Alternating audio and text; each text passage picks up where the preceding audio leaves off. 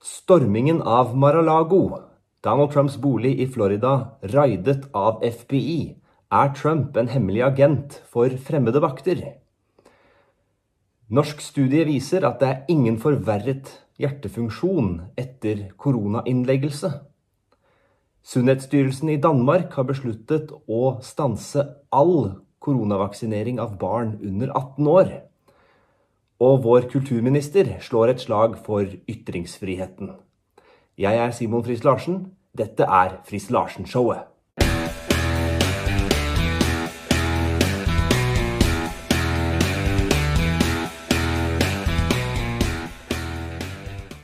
USAs tidligere president og republikanernes kanskje neste presidentkandidat, Donald Trump, fikk sin bolig ransaket av FBI. Er Donald Trump en spion for fremmede vakter? Vel, det kan virke som om noen er ute etter å prøve å lage det til. For eh, angivelig skal det ha vært eh, topphemmelige dokumenter uforsvarlig bevart i Donald Trumps bolig. Og ransakelsesordren, den går ut på følgende. Fredag offentliggjorde amerikanske myndigheter ordren om å godkjenne FBIs ransaking av Trumps bolig. Den viser at en av lovene han er mistenkt for å ha brutt, er spionloven fra 1917. Den ble vedtatt da USA gikk inn i første verdenskrig. Ingen har antydet at Trump har hjulpet fienden, slik loven skal hindre, men han kan ha brutt de delene av loven som gjelder sikring av hemmelige dokumenter. I tillegg til ransakelsesordren ble det offentliggjort en kvittering som viser at FBI tok med seg rundt 20 kasser med dokumenter. Noen av dokumentene skal ha hatt en gradering strengere enn top secret. Så her har altså FBI, etter ordre da, fra Justisdepartementet, som jo da er direkte under kommando av eh, Biden, gått inn og ransaket Trumps bolig på søk etter topphemmelige dokumenter som da kan ha vært uforsvarlig bevart. Og hva er det dette her egentlig handler om? For eh, en president i USA har anledning til å deklassifisere eller avklassifisere, eller hva det nå heter. I hvert fall fjerne hemmeligstempling på dokumenter etter for eget forgodtbefinnende. Så lenge han er president, så kan han si at de dokumentene der, de er ikke hemmelige lenger. Så da kan han ha gjort det før han gikk av som president, kanskje sekunder før om så skulle være, og tatt med seg disse eskene med dokumenter da hjem til sin egen bolig. Og ikke nok med det, dette her var da innelåst, og det har blitt eh, opplyst om at det var til og med ekstra låser på dette, og at det var en safe der. Så her har man da gått inn, brutt opp safe, hentet ut dokumenter for å se om det er et eller annet muffens her sånn. Så spørsmålet er om man finner noe, og det er jo det man er på leiting etter. Man prøver å finne noe å ta han for. Dette er farlig. Det må vi rett og slett si. For demokratiet, for eh, måten vi styrer på i Vesten. Vi snakker om at eh, Putin er farlig og fengsler politiske motstandere. Men eh, nei, når det er USA, nei, da, da er det liksom helt greit å skal liksom gå etter politiske motstandere. Det er ikke det. Det er ikke sånn man driver politisk virksomhet. Å gå etter politiske motstandere på den måten der. Jeg tror demokratene er så redde for Trump og hva han får til, og at uh, folket skjønner det at ting går så dårlig nå, at de ønsker Trump tilbake. Og da bruker de all makt de har for å forsøke å finne et eller annet å ta han for. For det er det eneste de er ute etter, det er å beholde makten, koste hva det koste vil. Og da er de ute etter å ta Trump. Og så er det sånn at tar de han, så kan de da ta hvem som helst. Så Derfor så er dette her skummelt. Hvis de kan bare gå inn og ransake Trump og ta et eller annet der, finne et eller annet på han, forsøke å få han eh, bak lås og slå eller et eller annet, så kan du være sikker på at da kan de gjøre det med hvem som helst. Sånn er det når man er ute etter makt for maktens skyld. Snakker om topphemmelige dokumenter. Presidenten kan si at de dokumentene ikke er topphemmelige lenger. Det kan ikke f.eks. en utenriksminister gjøre. Hillary Clinton, da, som hadde 33 000 e-poster på en privat server, som da slettet de og knuste telefonene, så at det da angivelig ikke skulle gå an å finne dem igjen. Det hadde hun ikke anledning til å gjøre i sitt embete. Ulovligheter. Donald Trump hadde jo hatt full anledning han til å begynne å gå ransake, gå og finne ut av ting der, men det gjør man ikke. Han hadde da mer enn nok å gjøre med å bygge opp USA etter det som eh, var med Obama Skape fred i verden, ikke utløse en eneste krig. Få økonomien i gang. Få energiuavhengighet i USA. Få opp eh, arbeidsmarkedene. Beskytte det ufødte liv. Stå opp for reell trosfrihet og reell ytringsfrihet. Slike ting var han opptatt av. Han var opptatt av det amerikanske folk. Opptatt av å Make America great again. Da har man ikke tid til å drive og gå etter politiske motstandere med midler og bruke da Justisdepartementet, bruke FBI osv. som en eller annen sånn bikkje som man sender ut for å forsøke å ta noen, for å spore opp et eller annet. Eller Hunter Bryden med hans laptop og alt det som har kommet fram der, med hans eh, ting eh, og tang som var foregikk i Ukraina. Muligens direkte kobla opp til Joe Biden selv. Nei, sånne ting er ikke så viktig å etterforske, sånne ting er ikke så viktig å se etter. Nei, man skal bare ta Trump. Og hvorfor det? Fordi at han er en politisk motstander. Det er sånn som amerikanerne kaller for 'banana republic'. Altså det er sånn som man ser i tredje verden og andre steder, dessverre, hvor Makten betyr så mye at man bruker midlene man har til å ta politiske motstandere. Det er det som skjer i USA nå med demokratene når de går etter Trump. Og norske medier 'Å, dette er så fint og flott, dette må vi skrive om, og det må ta noe'. Ta han for noe. Ja, det er én ting han kanskje har gjort som var gærent. Ja, vel. Kanskje mer enn det òg. Men det er liksom den ene tingen folk har hengt seg opp i, det her med å si 'grab them by the pussy'. Ja, ja, så sa han det, da. Ja, det var ikke bra, og det har han beklaget. Men så er det sånn, da, at kristne og republikanere, vet du, vi, vi tror på noe som heter tilgivelse, vi, vet du. At hvis noen har gjort noe som er gærent, og de ber om tilgivelse for det, og vi skjønner at ja, det, dette er oppriktig, og vi, vi, vet at ja, det, det, her er det faktisk mulig å, å, se forbi dette her nå og, og gå videre. Legg det bak oss. Ja, vi tilgir deg for det. Ja, tilgivelse tror vi på. Ja. Mens politiske motstandere til Trump det tror ikke på tilgivelse, de. De tror på makt. Har makt. Skal bare knuse motstanderen. Uansett hva det gjelder, skal man bare ta han. Ja. I den grad man skal tilgi noen, eller så skal man bare overse. Nei, det var liksom ikke sånn at Hillary Clinton, nei, Hunter Biden Nei, det skal vi bare skyve under teppet. Ingenting, ingenting å se her. Ja. Sånne ting, nei, det skal man ikke ha noe med å gjøre. Gagner dem selv, da, sikkert. Klarer å beholde makten ved det. Og så lenge ikke det skaper noen problemer, så lar man det bare passere. Mens med Trump, han skal man bare ta. Fordi han sa et eller annet for mange år siden, før han en gang var president. En eller annen riking. En kjendis. Som etter at han ble president, og man virkelig skjønte at han han står jo faktisk for noe. Han gjør jo faktisk noe. Og det går jo bra. Nei, da, da skal man ta han. Da skal man gjøre alt man kan for å kneble han. Starte med riksrettssaker. Starte med å klandre han for eh, det ene og det andre. Og nå da det seneste med dette raidet hjemme hos han. Og det stopper neppe der. Men så skjer bare det paradoksale det at eh, jo mer man forsøker å ta han, jo sterkere blir han. Fordi folk, de skjønner det. De ser igjennom det, og nå heier de på Trump mer enn noen gang.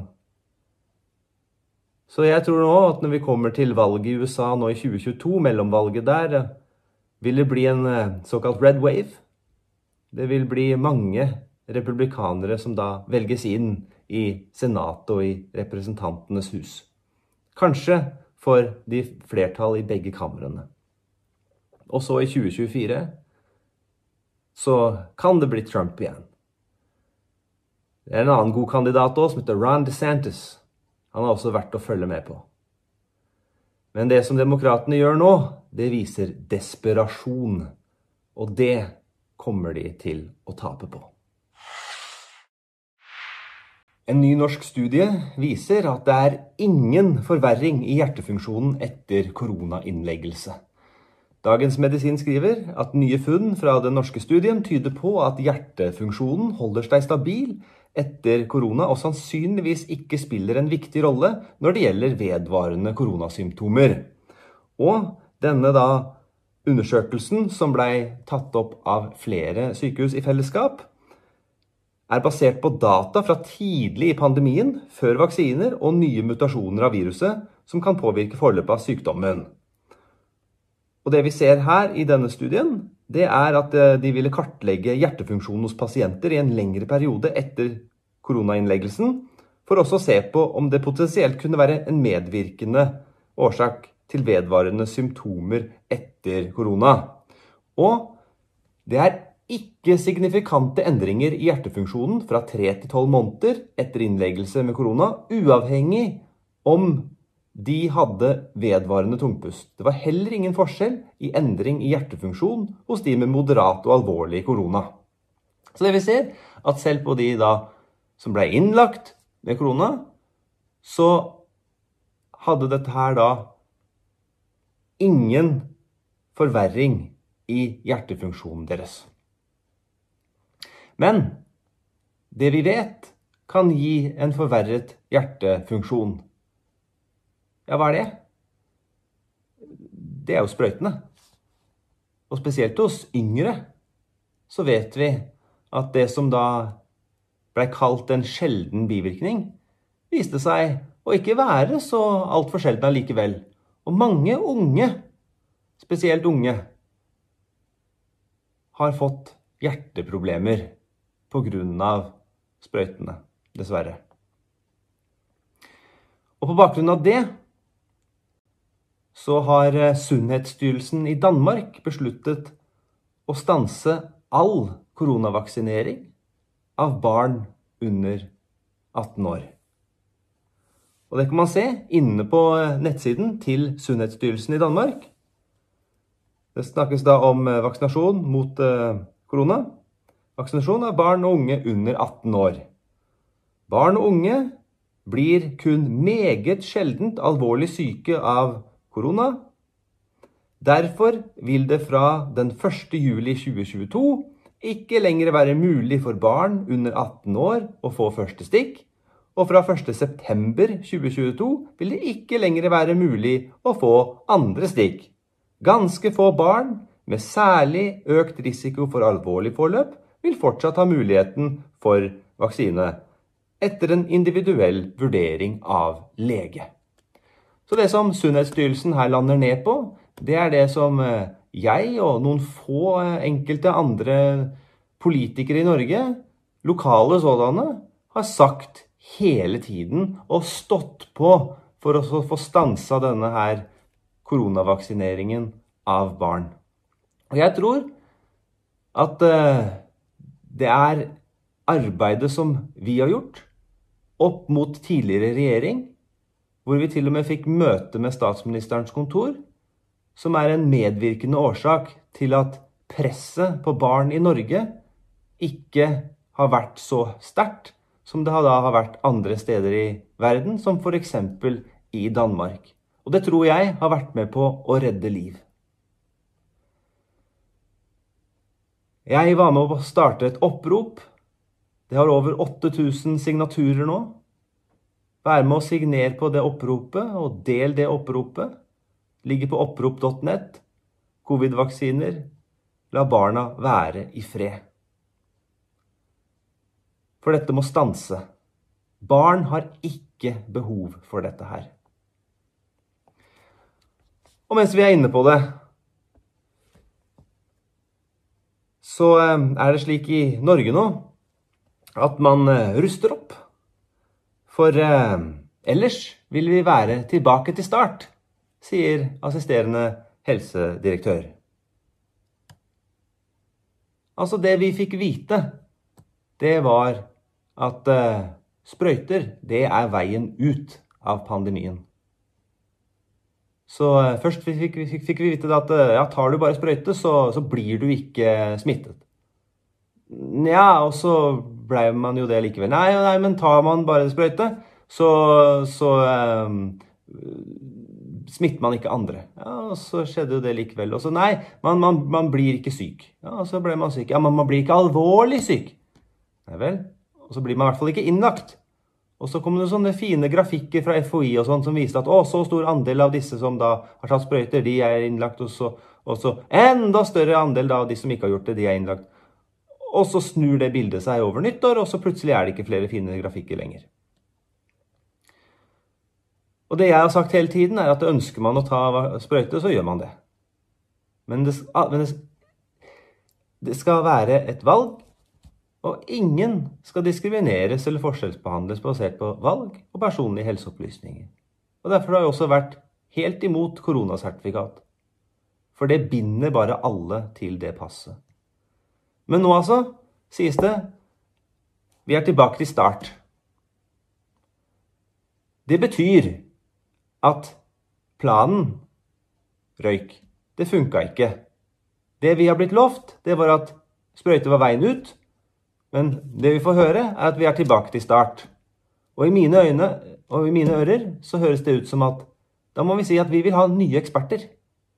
Vi vil ikke ha de ekspertene der lenger. Og vi vil ha andre politikere. Og det kan vi være med å, å velge. Og eh, det som nå sies fra FHI, det er at de er bekymret for få eldre tar ny oppfriskningsdose. Folkehelseinstituttet liker ikke at få over 75 år har tatt den siste dosen med sprøyter. I sommer har det vært rundt 200 nyinnleggelser per uke, mot 20 per uke i fjor sommer. Vel, Hvorfor tror du færre eldre gjør det, da? Altså, På engelsk så pleier man å si 'the game is up'. Altså Vi ser jo at det vi blei fortalt, ikke stemmer med de faktiske realiteter. Sånn at uh, å si at vi er tilbake til start, det holder ikke. Vi går ikke med på det. Enten så skal noe vi blir fortalt, funke, eller så funker det ikke. Og jeg tror at de eldre da som ikke går med på dette her, de tror jo da ikke at det fungerer. Og det tror jeg man har en viss grunn til å mene. Og som sagt, ingen skal diskrimineres eller forskjellsbehandles basert på valg og personlige helseopplysninger. Det må være frivillig. Og vi må slutte med dette maset. Nå må vi legge det bak oss og si at nå går vi videre. Vår kulturminister sier at angrepet på Saman Rushdie var et angrep på alles ytringsfrihet. Her fra Dagsavisen, som da er videre tatt fra NTB. Kulturminister sier det var en påminnelse om vikt om hvor viktig, men samtidig hvor sårbar ytringsfriheten er. En påminnelse om at vi er nødt til å kjempe sammen for å ta vare på ytringsfriheten. Stå skulder til skulder og slå ring om den grunnleggende rettigheten ytringsfriheten er. Sa statsråden da Ytringsfrihetskommisjonen presenterte sin rapport i Arendal mandag. Ja, jeg kan jo si meg helt enig i dette om at eh, man må stå skulder til skulder og slå ring om den grunnleggende rettigheten som ytringsfrihet er. Og stå sammen for å kjempe og ta vare på ytringsfrihet. Og dette nevnes jo i sammenheng med angrepet på Salman Rushdie, men hvis man tar dette litt ut av sammenheng og bare fokuserer på det som ble sagt her, generelt om ytringsfrihet, så er jeg helt enig i det som blir sagt her. Og da må det også være tillatt å si helt normale ting, som at det finnes to kjønn, mann og kvinne, og kun det. Og at alle er født i rett kropp. Og at det finnes ikke transbarn.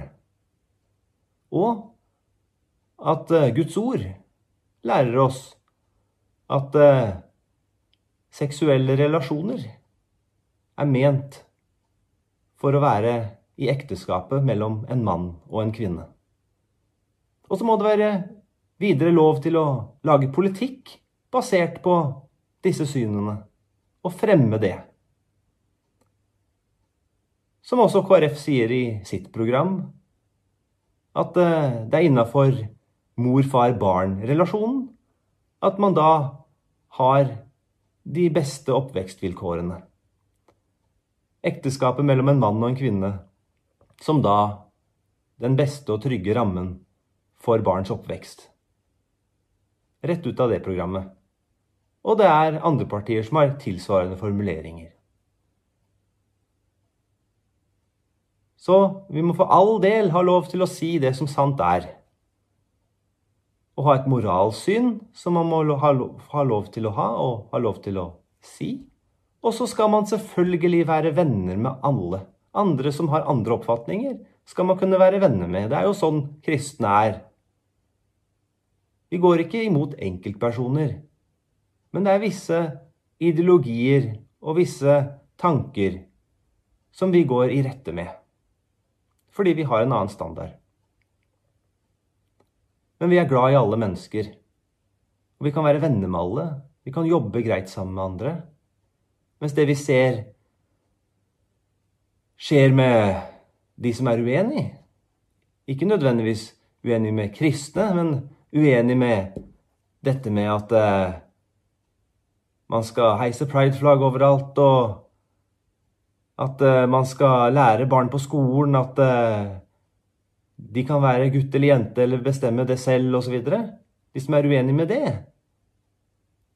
ut fra de som holder, holder tidsåndens syn, at de skal tas. Så det er, det er liksom ikke noe toleranse å spore der. Jo da, det er det.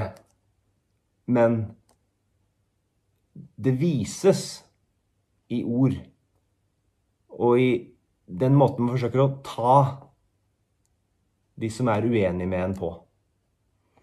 Og et eksempel på det er jo da en eh, kristen friskole som da ikke ønsket å ha eh, en tegning som eh, viser kong Harald med en tekst og da en regnbue som går sånn tvers gjennom hodet på han.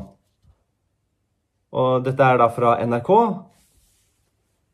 Kristen skole takket nei til regnbuebildet. Ja, skal ikke en kristen skole få lov å takke nei til et regnbuebilde, da? Det er klart at eh, skolen kan gjøre det. Og hvorfor gjør de det? Ja, det kan jeg forklare. Men eh, først skal jeg bare si litt om bildet. Det er jo da fra kongens 17. mai-tale, tror jeg det var. Hvor han da sier at eh, nordmenn er jenter som er glad i jenter, gutter som er glad i gutter, og jenter og gutter som er glad i hverandre. Ja, det er vi vel. Jeg kan ikke si at man er uenig i det. Jeg, er glad i mange gutter, jeg. Jeg er glad i mange jenter, jeg. Jeg er glad i mange mennesker, jeg. Hvis man er glad i hverandre, skal vi ikke være glad i hverandre, da? Det vil være veldig teit hvis vi nordmenn er folk som er sure på hverandre. Menn som er eh, sure på damer, og jenter som er sure på jenter. og Nei, vi, vi, er, vi, er, vel glad i hverandre, er vi ikke det? Så det er jo helt riktig, det. Men det er liksom dette ja, men dette, dette med, med, glad i, det skal liksom bety så ufattelig mye mer. Det skal liksom være dette herre regnbuegreiene med seks farger. Det handler om at man skal introdusere nye begreper og kjønnsideologi. Og det er jo det den kristne skolen sier nei til. Barna trenger ikke å lære om de tingene i så ung alder. Og det er jo ting man vil lære etter hvert som man vokser opp. Og jeg vil lese visjonen og målsetting til en kristen friskole. Ikke nødvendigvis den som er omtalt i NRK her, men fra en annen friskole. Skolens verdi, grunnlag og formål, står det. Skolens verdier synliggjøres ved fokus på Bibelen som fundament. Den enkelte elevs lovbestemte rettigheter, behov og potensial. Høye faglige og sosiale mål. Skolen skal medvirke til å bygge samfunnsbevisste borgere med et riktig og godt selvbilde grunnfestet i den kristne tro og de kristne verdier. Ja, det er denne skolens mål og visjon. Da passer det ikke inn med regnbueflagg og pride-ideologi, hvor man da skal komme med forvirrende beskjeder. Bygge opp et selvbilde som man er usikker på. Prøve å finne ut er man det eller det. Grunnfeste dem i relativisme. Og verdier som er ut fra ens egen forgodtbefinnelse. Nei. Man ønsker å påvirke barna i en retning ut fra den kristne tro og hjelpe dem til å bli bevisste samfunnsborgere, og å få et riktig og godt selvbilde. Det syns jeg er et fantastisk godt formål og visjon for en skole. Og Derfor syns jeg også det er helt riktig at kristne og kristnes friskoler står på, sier nei til sånne her tegninger og skolesekker som angivelig skal være trygg trafikk, og så, og så er det sånn prideflagg. Vil ikke ha det. Og det må det være lov å mene. Skal vi ta kulturministeren på alvor når det gjelder ytringsfrihet, så må vi ha ytringsfrihet også på dette området her. Selvfølgelig.